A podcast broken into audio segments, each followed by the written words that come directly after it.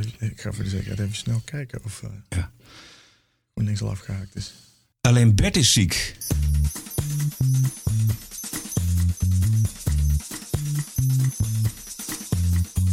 This is the TPO podcast. Ranting and Reason.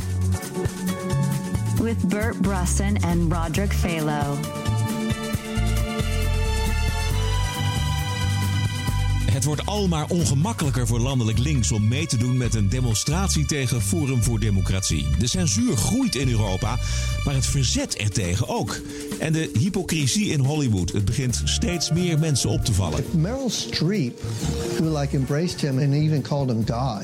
If she didn't know what was going on, then she's a dumb bitch. Hartelijk welkom bij aflevering nummer 51. This is the TPO podcast. Ja, het heeft even een weekje geduurd voordat nummer 51 er was. Maar hij is er dan nu toch echt op deze dinsdag. Het enige probleem is dat Bert ziek is. Maar we hebben een hele goede stand-in. En dat is uh, Bart Nijman van uh, Geen Stijl. Heel fijn dat je, dat je gekomen bent. is het geweldig geluid van, van Bert in ieder geval. Ja. Tot zover mijn Bert-imitatie. Ja. Jullie gaan zelf bij Geen Stijl ook beginnen met podcasten. Daar gaan we het aan het eind van de podcast eventjes over hebben. We kwamen elkaar vandaag tegen op een bijeenkomst in Amsterdam van het nieuwe verzet. En dat is de verzetsbeweging. Dat moet nog een beweging worden, maar in ieder geval een initiatief van de Post Online en Jan Dijkgraaf. Om zich te verzetten tegen de oprukkende censuur in Europa en ook in Nederland. Ja, we gaan weer kranten maken, begrijp ik. Een korte impressie. We beginnen met Jan Dijkgraaf. Wat je ziet is dat heel veel mensen het schaapachtig laten gebeuren. Zowel media als uh, burgers. Uh, ja, en daar moet echt een eind aan komen. Het lijkt wel alsof iedereen het, maar het niet ziet. Uh, of het boeit mensen niet. Nou, dat laatste vind ik dan minder erg. Dan ben je in elk geval bewust onbekwaam. Uh, maar mensen die het gewoon zien gebeuren en dan over twintig jaar gaan huilen met... ja, vroeger had je internet. er is ooit gezegd, niet weer. Ja, daar geloof ik op dit gebied heel erg in. Tom Staal, geen Stijl-TV. Van jij ervan? Eerste gedachte, gedachte die ik had van nou naast, naast uh, politieke aspiraties uh, nu een offline krant. De, is de derde midlife crisis die die heeft volgens mij. Maar Bert, Jan en de rest van de Post Online kennen, dan vind ik het wel weer een uniek initiatief waarmee je een punt maakt. En dan moeten we kijken of dat vanaf 5 mei gaat lopen. Ik ga me in ieder geval lid maken, want ik hou heel erg gewoon van dingen beetpakken en kunnen lezen. Ik ben eigenlijk ook gewoon veel te oud voor, voor internet. Dus, maar het is een gewaagd project, laat ik het zo diplomatiek uitleggen. Nodig? Nodig, tuurlijk. Kijk maar naar wat er met ons is gebeurd bij Geen Stijl. We moeten het gewoon toegeven.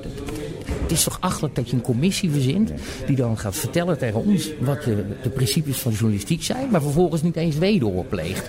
Dan zeg ik, hé, dat is toch de basis of zo? En dan zeggen ze wel eens tegen ons, ja, jullie doen ook niet aan wederhoor. Nou, ik heb twee weken terug nog acht uur voor de deur van Savannah gestaan, weet je. Dus voor wederhoor krijg je dan ook niet, maar goed.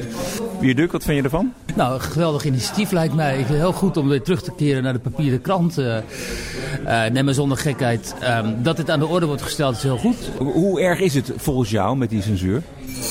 Nou, als je al die initiatieven ziet, dat is wel erg. Ja. En dat is ook verontrustend, omdat heel duidelijk is dat wat Jan Dijkgraaf al zei, dat zeg maar de gevestigde orde uh, zich eraan irriteert dat ze de grip op de, vrij, op de meningsuiting zijn kwijtgeraakt. Omdat je op het internet gewoon alles kunt zeggen. En dat ze daar orde in willen aanbrengen. En dat is hun orde. Uh, en als je daar niet mee eens bent, of je, of je bent aanhanger van zeg maar, een andere orde, dan ben je dus de klos tegenwoordig. Het is een grote ongerustheid onder een brede laag van de bevolking, volgens mij, over, over wat er gaande is op het, wat betreft uh, censuur.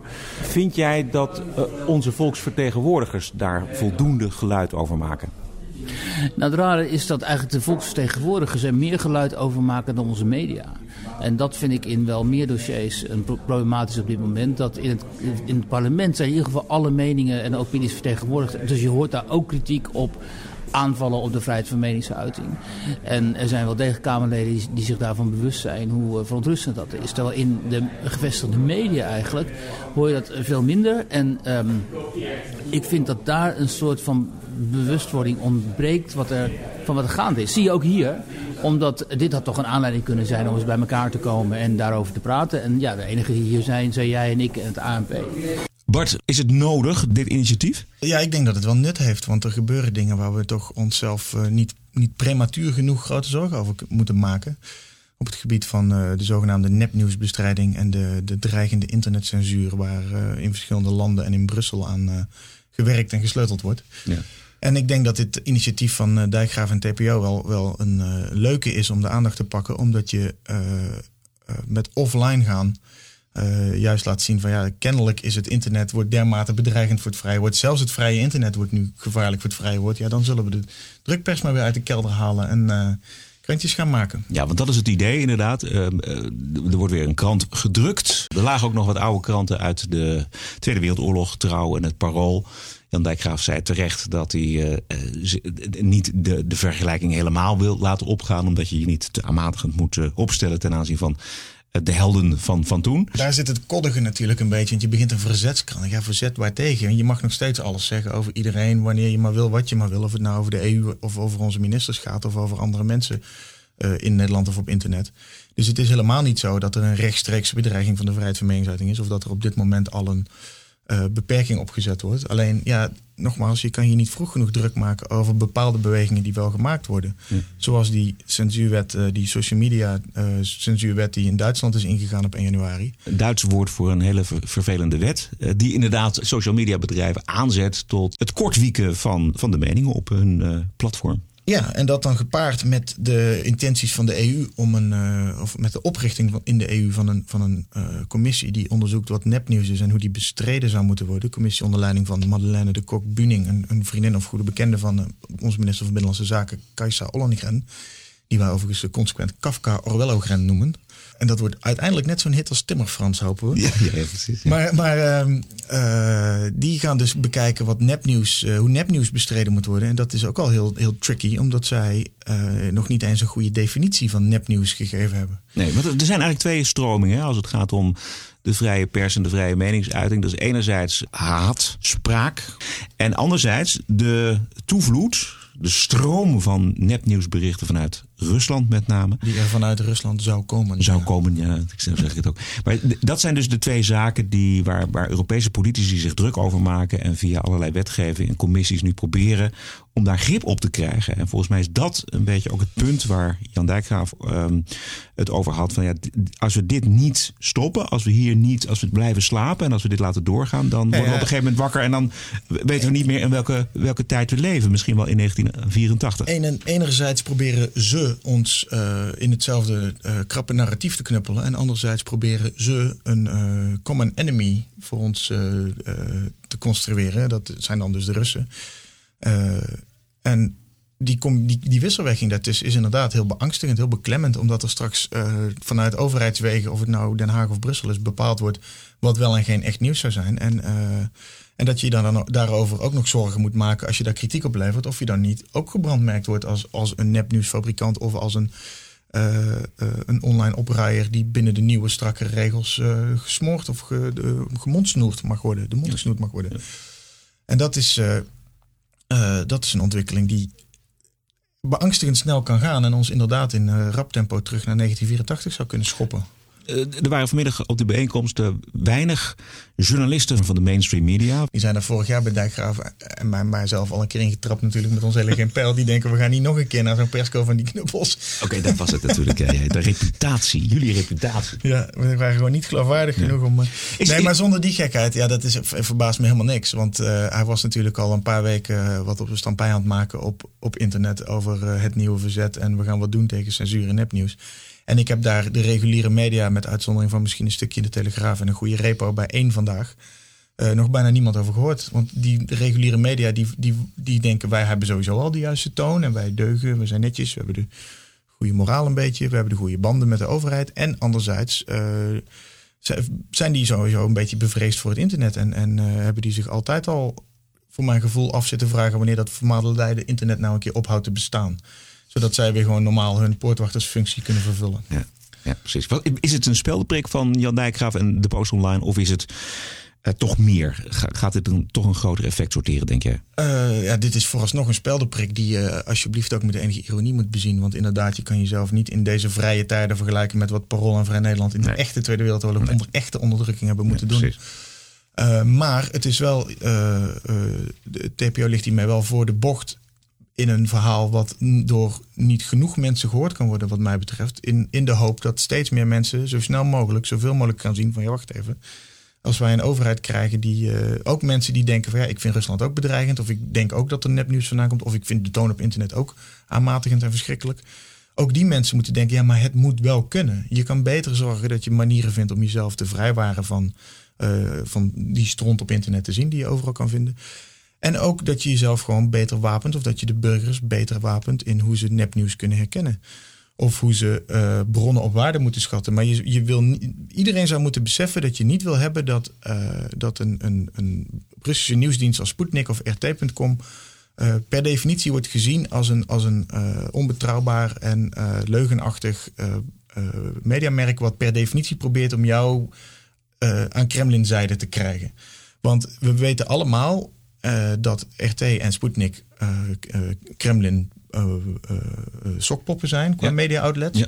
Maar dat wil niet zeggen dat je ze niet tot je mag nemen. Want in, in tijden waarin je op internationaal niveau heel makkelijk nieuws van alle kanten kan bekijken, binnenland, buitenland, is het handig om een Nederlands narratief te lezen in de Volkskrant en op nu.nl en op geen stijl. Om vervolgens ook het Russische narratief te lezen bij RT en eventueel de Washington Post of de New York Times er nog bij pakken voor de Amerikaanse kijk op zaken. En uit, die, uit dat po- hele potje voor jezelf proberen te bepalen van wie heeft er gelijk en met welke argumenten. De kern is misschien wel gewoon het, het principiële standpunt dat eh, niet de overheid gaat over de beoordeling van nepnieuws, andere berichten, maar dat wij zelf als individuen eh, een oordeel kunnen vellen over wat wij graag lezen en wat niet. GPO Podcast.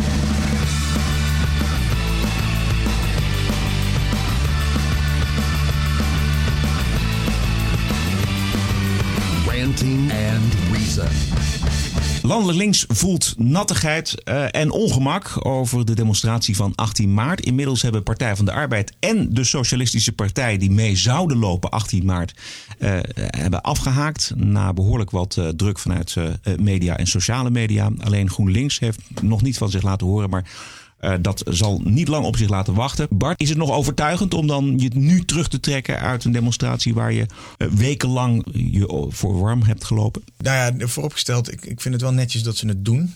Eh, want het, het vereist toch een zeker eh, over je eigen schaduw heen springen, om het maar in PvdA-termen te zeggen.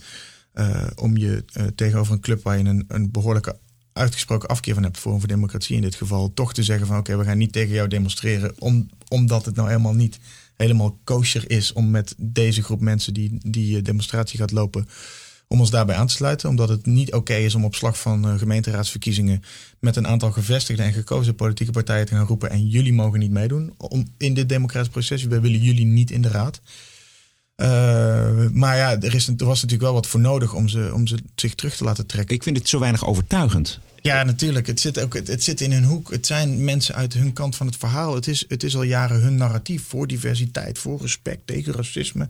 Weet je, van die holle, dan wel uitgeholde termen waar ze zich maar aan vast blijven klampen. Terwijl ze eh, eh, in, in zetels, eh, nou GroenLinks dan niet, maar zeker de PvdA heeft daar toch vooral meer last van gehad dan winst bij geboekt.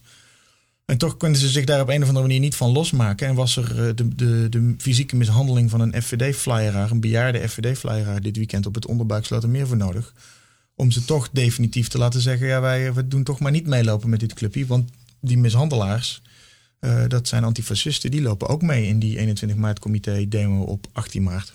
Het, het wordt wel heel onfris als linkse partijen met dat soort lieden mee gaan lopen om te demonstreren tegen een rechtse partij die voor het eerst mee wil doen. En die wel met eh, goede kansen aan die verkiezingen deelneemt. Ja. Plus het is een hele rare opvatting van een inclusieve samenleving als je eh, partijen die meedoen aan een democratische verkiezing wil uitsluiten. Inherente contradictie. Wij zijn voor diversiteit. Behalve als jullie mee willen doen. Ja. Het framen van Forum voor Democratie in een racistisch frame.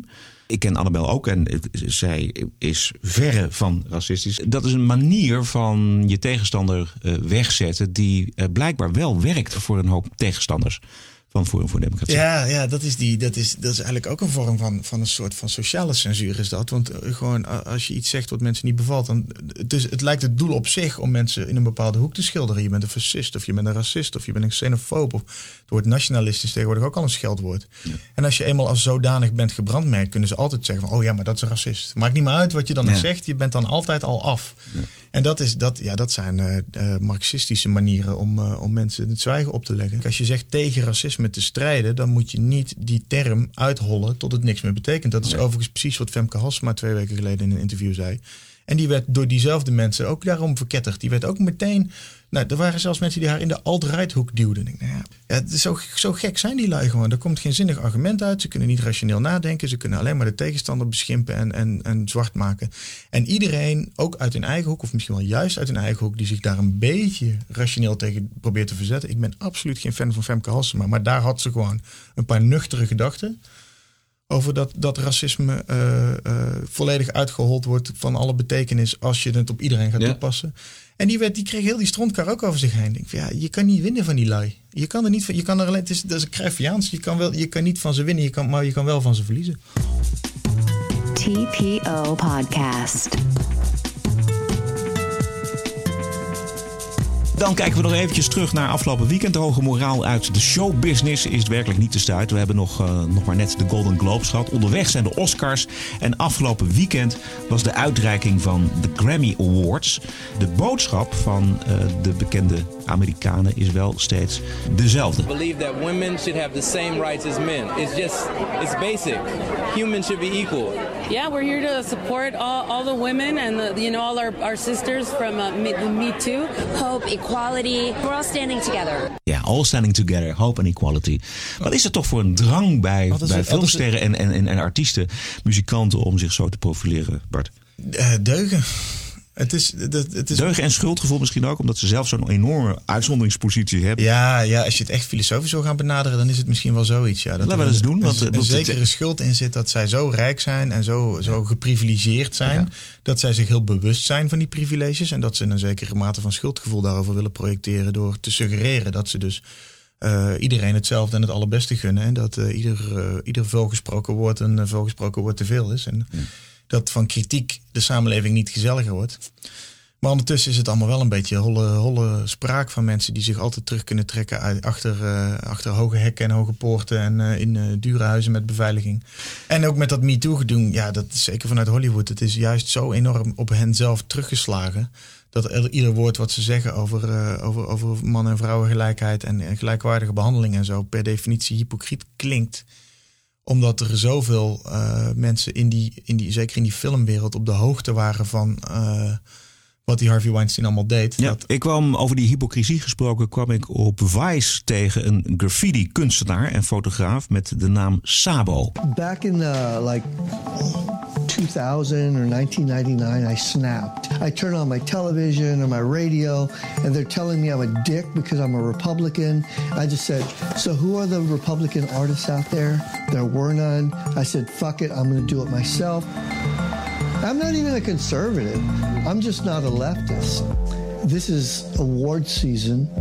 There's no reason for me to not hit the Oscars and the Grammys and all those other fucking award shows. It's basically just them patting themselves in the back. I would like to think that everyone that's about to attend the Golden Globes is a little uncomfortable right now because a lot of people in Hollywood did know what the hell was going on. If Meryl Streep, who like embraced him and even called him God, Harvey if she didn't know what was going on, then she's a dumb bitch. En overigens wel een hele goede actrice. Dat even terzijde. Ja, de hypocrisie, mag je daar nog naar kijken? Vroeg de Volkskrant zich vandaag af. dat is een goede Bart. Dat vond ik zo. Het is zo type. Ja, R. Kelly is inderdaad veroordeeld pedofiel. En, en eh, eh, hoe heet die van eh, eh, House of Cards? Eh, die schijnt ook gemetoed te hebben. Maar ja, is dan House of Cards ineens geen goede serie meer? Moet ik nou een schuldgevoel hebben om, omdat ik kijk naar iemand die iets gedaan heeft wat niet mag? Ja, eh, Clint Eastwood is een man van 90 die zegt tegenwoordig ook wel eens iets wat in de huidige tijdsgeest een beetje frowned upon is. Maakt dat met terugwerkende kracht al zijn films slechter? Het is, het is zo raar. Het, het, het past in die trend van beelden weghalen. En alles wat nu niet meer door de beugel kan, werkt met terugwerkende kracht op het verleden. En moet dus maar weggepoetst worden. Dat is weer zo'n marxistische Ja. beweging. Ja. Ik weet niet wie die Sabo is, maar hij zei net ook van: I'm not even a conservative. I'm just not a lefty. Ik denk, dat is herkenbaar, want dat, dat zie je wel vaker. Dat, ik ben ook helemaal niet zo. Ik ben helemaal niet conservatief. Uh, als in, ik ben uh, enorm sociaaldemocraat. Ik ben uh, voor een, een nationaal zorgfonds. Ik ben voor al die anti-religieuze dingen als abortus en zo. links, Bart. Nou ja, ik, ik, beschouw mezelf eigenlijk als relatief links. Alleen ik word er door dat narratief wat op het hele linkse plekje zit, ben ik automatisch net zo'n Ja. fascist. Zeker ook om, om waar ik werk. Maar dat gebeurt dus heel veel mensen. Ik Het gebeurt ook bij, bij de Eddie Terstal. eh, die wordt dan ingedeeld door de Vrij, de Vrij Nederland.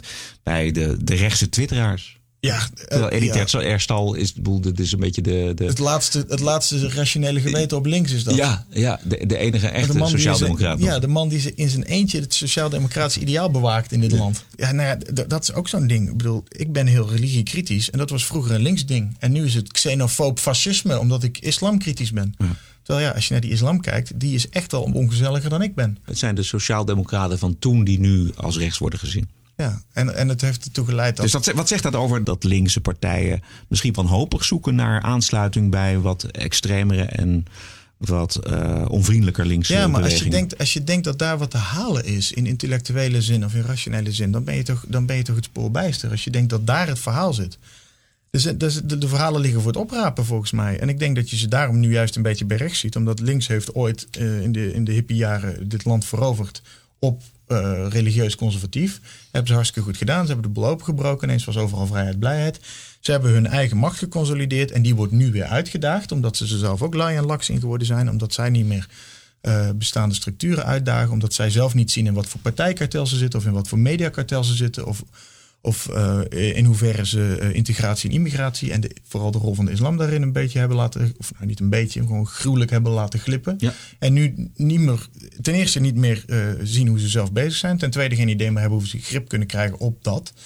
Alle ideeën zijn op. En degene die nu met de nieuwe ideeën komen of met de kritiek komen, en die formuleren. En daar proberen, niet iedereen probeert dat, maar er zijn toch genoeg mensen en blogs en schrijvers en twitteraars die proberen om rationele, geconstrueerde kritiek te, te formuleren. Die worden, dan maar, die worden dan maar uit armoede in het ravijn geflikkerd als, als racisten en xenofoben en fascisten en eh fasciste volgers. En daarom zie je ook die, die enorme haat tegen de vorm voor democratie zo. eh, en die angst ervoor ook. Ja. Ze zijn allemaal bang voor Thierry Baudet, wat al heel wonderlijk is, want het is gewoon een latente homofiele pianoligger. Laat hij niet horen. met een brede glimlach en een, en een enorm eh, sympathieke eh, houding als je me niet echt ziet. Ja. Maar het- ze zijn de, dat Wilders, Wilders is een beetje, dat was een boze schreeuwer en die vond ze altijd heel erg, maar die, had, die containde zichzelf wel een beetje, omdat hij nooit intellectueel uitbouwde. En nu komt Thierry en die heeft, eh, die heeft charme en die heeft een opleiding en die heeft een achtergrond en die heeft Ja. een intellectuele lijst achter zich aan en die Boeken geschreven. boeken. En dat is veel enger. Want als dat postvat, dan hoe ga je die. Hoe ga je, ik bedoel, iemand die roept kop voor de tax, kun je nog zeggen: ja, wat is dat nou weer voor kolder? En dat vonden veel mensen aan de rechterkant ook. Maar iemand zoals Thierry, die dat met meer schwung kon brengen. En met meer onderbouwing en, en met meer debatbereidheid dan Wilders al ooit gehad heeft. En daar een beweging omheen bouwt die nu al 20.000 leden heeft. Ja, dan snap ik wel dat ze bang worden. Maar als je dan uit angst je, je eigen rug tegen de muur zet en naast AFA en internationale socialisten gaat staan. Ja, sorry, maar dan moet je eerst in de spiegel kijken voor je naar Thierry wijst. Juist. Laten we even teruggaan naar de Grammys. Want het hoogtepunt van de, van de Grammy-uitreiking was een filmpje met muzikanten die voorlazen uit het boek Fire and Fury van Michael Wolff. Over Donald Trump natuurlijk. Eén voor één werden de voorleescapaciteiten van de artiesten quasi grappig afgekeurd. Om uiteindelijk terecht te komen bij de grote heldin van de avond, Hillary Clinton. He had a long time fear of being poisoned. One reason why he liked to eat at McDonald's. Nobody knew he was coming, and the food was safely pre-made. That's it. We've got it. That's the one. You think so? Oh yeah, The Grammy's in the bag? in the bag. Juist, het applaus was eh, van de hele zaal Ja, voor Hillary Clinton. voor Hillary Clinton. Ja, over met je rug tegen de muur staan gesproken. Je, je kiest voor de grootste verliezer die de Amerikaanse verkiezingen misschien wel ooit gehad hebben. Die vrouw verloor van Donald fucking Trump. Ja. En nog wordt ze daar onthaald als een soort heldin. Het is een fakes van de bovenste plank. Ze wist niemand fatsoenlijk te, te overtuigen om op haar te stemmen. Ze verloor zodoende dus van een oranje man met een, eh, met een bepaald geen eh, beleefde uitingsvorm. Ze heeft de belangrijkste staten links laten liggen, daar wilden ze niet heen. Ja, Michigan, daar, daar Ja, is de arrogant tot, de- tot en met inderdaad. En, en over, ja, over kartel gesproken. En nog wordt ze als een soort heldin gezien. Omdat ja, zij verloor die dappere strijd tegen Donald Trump. Ik denk, nou ja, het is meer dat Donald Trump per ongeluk won van een hele slechte kandidaat. En volgens sommigen wil ze toch ook in 2020 eh, nog steeds meedoen aan de verkiezingen. En wil ze uiteindelijk natuurlijk die eh, Amerikaanse presidentsverkiezingen Ja, winnen. Dat wil ze echt, maar tot afgrijzen, eh, Bart, van de Democraten. Want die ziet het echt niet zitten. Ja, natuurlijk. Die vrouw die is één grote brok rancune. Het, zij heeft de, laatste verkiezingen al min of meer eh, de kandidaat kunnen zijn. Omdat ze die halve partij opgekocht heeft. Omdat hij in geldnood scheen te zitten. En, Ja. en, en op die manier ook Bernie Sanders eh, zijn eerlijke kans ontzegt om de kandidaat te worden. Ik zeg niet dat het per se een betere geweest zou zijn als president. Maar toch in ieder geval wel een betere kandidaat dan Hillary.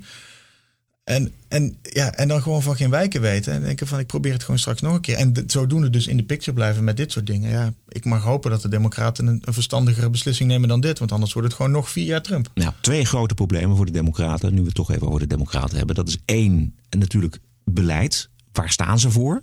Dat weten we eigenlijk niet. Ehm, en twee, eh, hebben ze een, een, een goede leider? De Democraten hebben dus nog drie jaar, wat zeg ik, twee jaar voordat de campagne begint. Om eh, deze twee posten eh, op een goede manier in te vullen. En ja. Ja. ik moet heel eerlijk zeggen, ik, ik weet niet waar het vandaan moet komen. Er vallen af en toe wat van die namen. Kamala Harris of zo wordt wel eens genoemd. En, eh, maar ja, dat is ze ja. moeten ook af van die identiteitspolitiek. Want dat, dat ja, gaat het daar ook moet niet je als in eerste van losweken. Ja, want als je denkt dat dat de toekomst heeft, dan. eh, dat heeft alleen de toekomst als het inderdaad lukt om het verleden uit te wissen, laat ik het zo zeggen. Ja. Je wint er in ieder geval niet de harten mee van de Amerikanen die in het midden van Amerika wonen. Nee, die sowieso niet. Die bereik je er überhaupt niet mee. Ik denk ook dat je gewoon moet accepteren dat er in, in sommige delen van Amerika nog steeds mensen zitten die homofilie gewoon iets vies vinden. Maar die wel eh, genoeg respect hebben voor de grondwet om homorechten in principe te accepteren. Ik zeg niet dat homo's daar eh, per se het gezellig zullen wonen of dat er nooit eens eentje in elkaar geslagen wordt omdat die homo is. Maar het is ook niet zo dat daar gewoon volksgerichten tegen homo's worden. worden of dat er, dat er postercampagnes tegen. Ja, die zie je overigens nog wel eens af en toe van hele religieuze groepen. Ja. Maar het- is, het is allemaal. Dat is het hele probleem van die identiteitspolitiek. Er worden problemen gesuggereerd die in de praktijk eh, vele malen minder groot en omvangrijk en, en, eh, en, en eh, bedreigend zijn dan dat er gesuggereerd wordt dat, er, dat ze zijn. En daar bijt het zichzelf iedere keer op vast. Ja. Bart, Geen Stijl heeft ook plannen om te gaan podcasten. Zag ik. Ja, we hadden wat Een mooie studio. teaserfotootjes getwitterd. Ja. Wanneer gaat het gebeuren? Ja, er zit nog niet echt een tijd aan vast. Zal, zal makkelijk zomer kunnen worden. Maar we hebben inderdaad wat eh, speelgoed gekocht of gekregen. Losge, losge, losgeweekt bij de baas. En Ja. eh studiootje ingericht. Wat, wat, wat is het plan? Tom Staal, onze, onze videoman, die wil een, eh, een wekelijks eh, beetje een kate-programma gaan maken. ADHD-radio. waar je de week doorspreekt, maar ook een malle gast hebt. En ja, een beetje à la Tom een beetje gek doen. Wij willen wat korte podcast maken waarin we gewoon even reflecteren op het belangrijkste nieuws of de belangrijkste ophef van de dag of de week. Eh, op een beetje op een geen stijl manier, eh, maar wel met iets meer achtergrond dan je in die topics kwijt kunt. Eh, en er zijn plannen voor een, voor, ja, een slow talk ding. Wil ik samen met Abdekin Akdogan gaan doen. Die zat bij Geen Pijl, was hij nou betrokken. En wat is slow talk? Ja, gewoon een gast uitnodigen. Liefst iemand die niet helemaal in ons kamp zit. Want dat zou allemaal te makkelijk zijn. Die, die korte podcastjes, dat wordt gewoon wij van geen stijl. En wij vinden dit en dat vinden jullie leuk om te horen. Of niet misschien, maar in ieder geval wel naar het eigen publiek toe geredeneerd. En die gesprekken die worden gewoon eh, eh, voor een ongetwijfeld kleinere doelgroep. Maar wel met de bedoeling om af en toe eens een keer de hand over de kloof te steken. En te zeggen, eh, neem hem eens aan en kom eens met ons babbelen. In een openhartige setting en niet een, we, komen, we gaan je helemaal de grond in, in, in bitchen. Nee. Maar, en eh, ja, wie, daarvoor, wie zich daarvoor willen lenen moet nog blijken. Maar eh, dat, willen we, eh, dat moet wel echt een gesprekken van een paar uur gaan worden. Oké, van de zomer dus.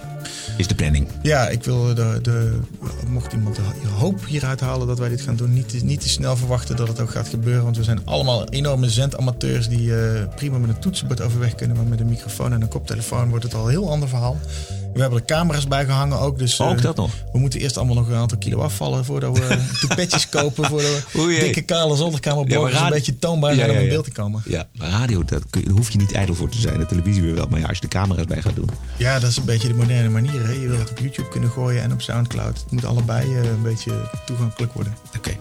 Goed, tot zover eh, deze podcast nummer 51. Eh, wij zijn volgende week dinsdag weer terug met Bert. eh, podcast nummer 52. Wilt u doneren aan de TPO-podcast? Dat kan heel makkelijk. Het geld wordt goed besteed en wij stellen dat zeer op prijs. U kunt naar de website tpo.nl slash podcast en daar vindt u de manier om te doneren. Hartelijk dank bij voorbaat en graag tot volgende week. Dank Bart. TPO Podcast. Bert Bruson, Roderick Balo, Ranting and Reason.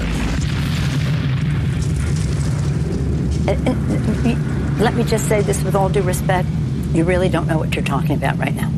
But did Christopher Ray look at it or no? I can't say whether he did or not, but he did not. He's.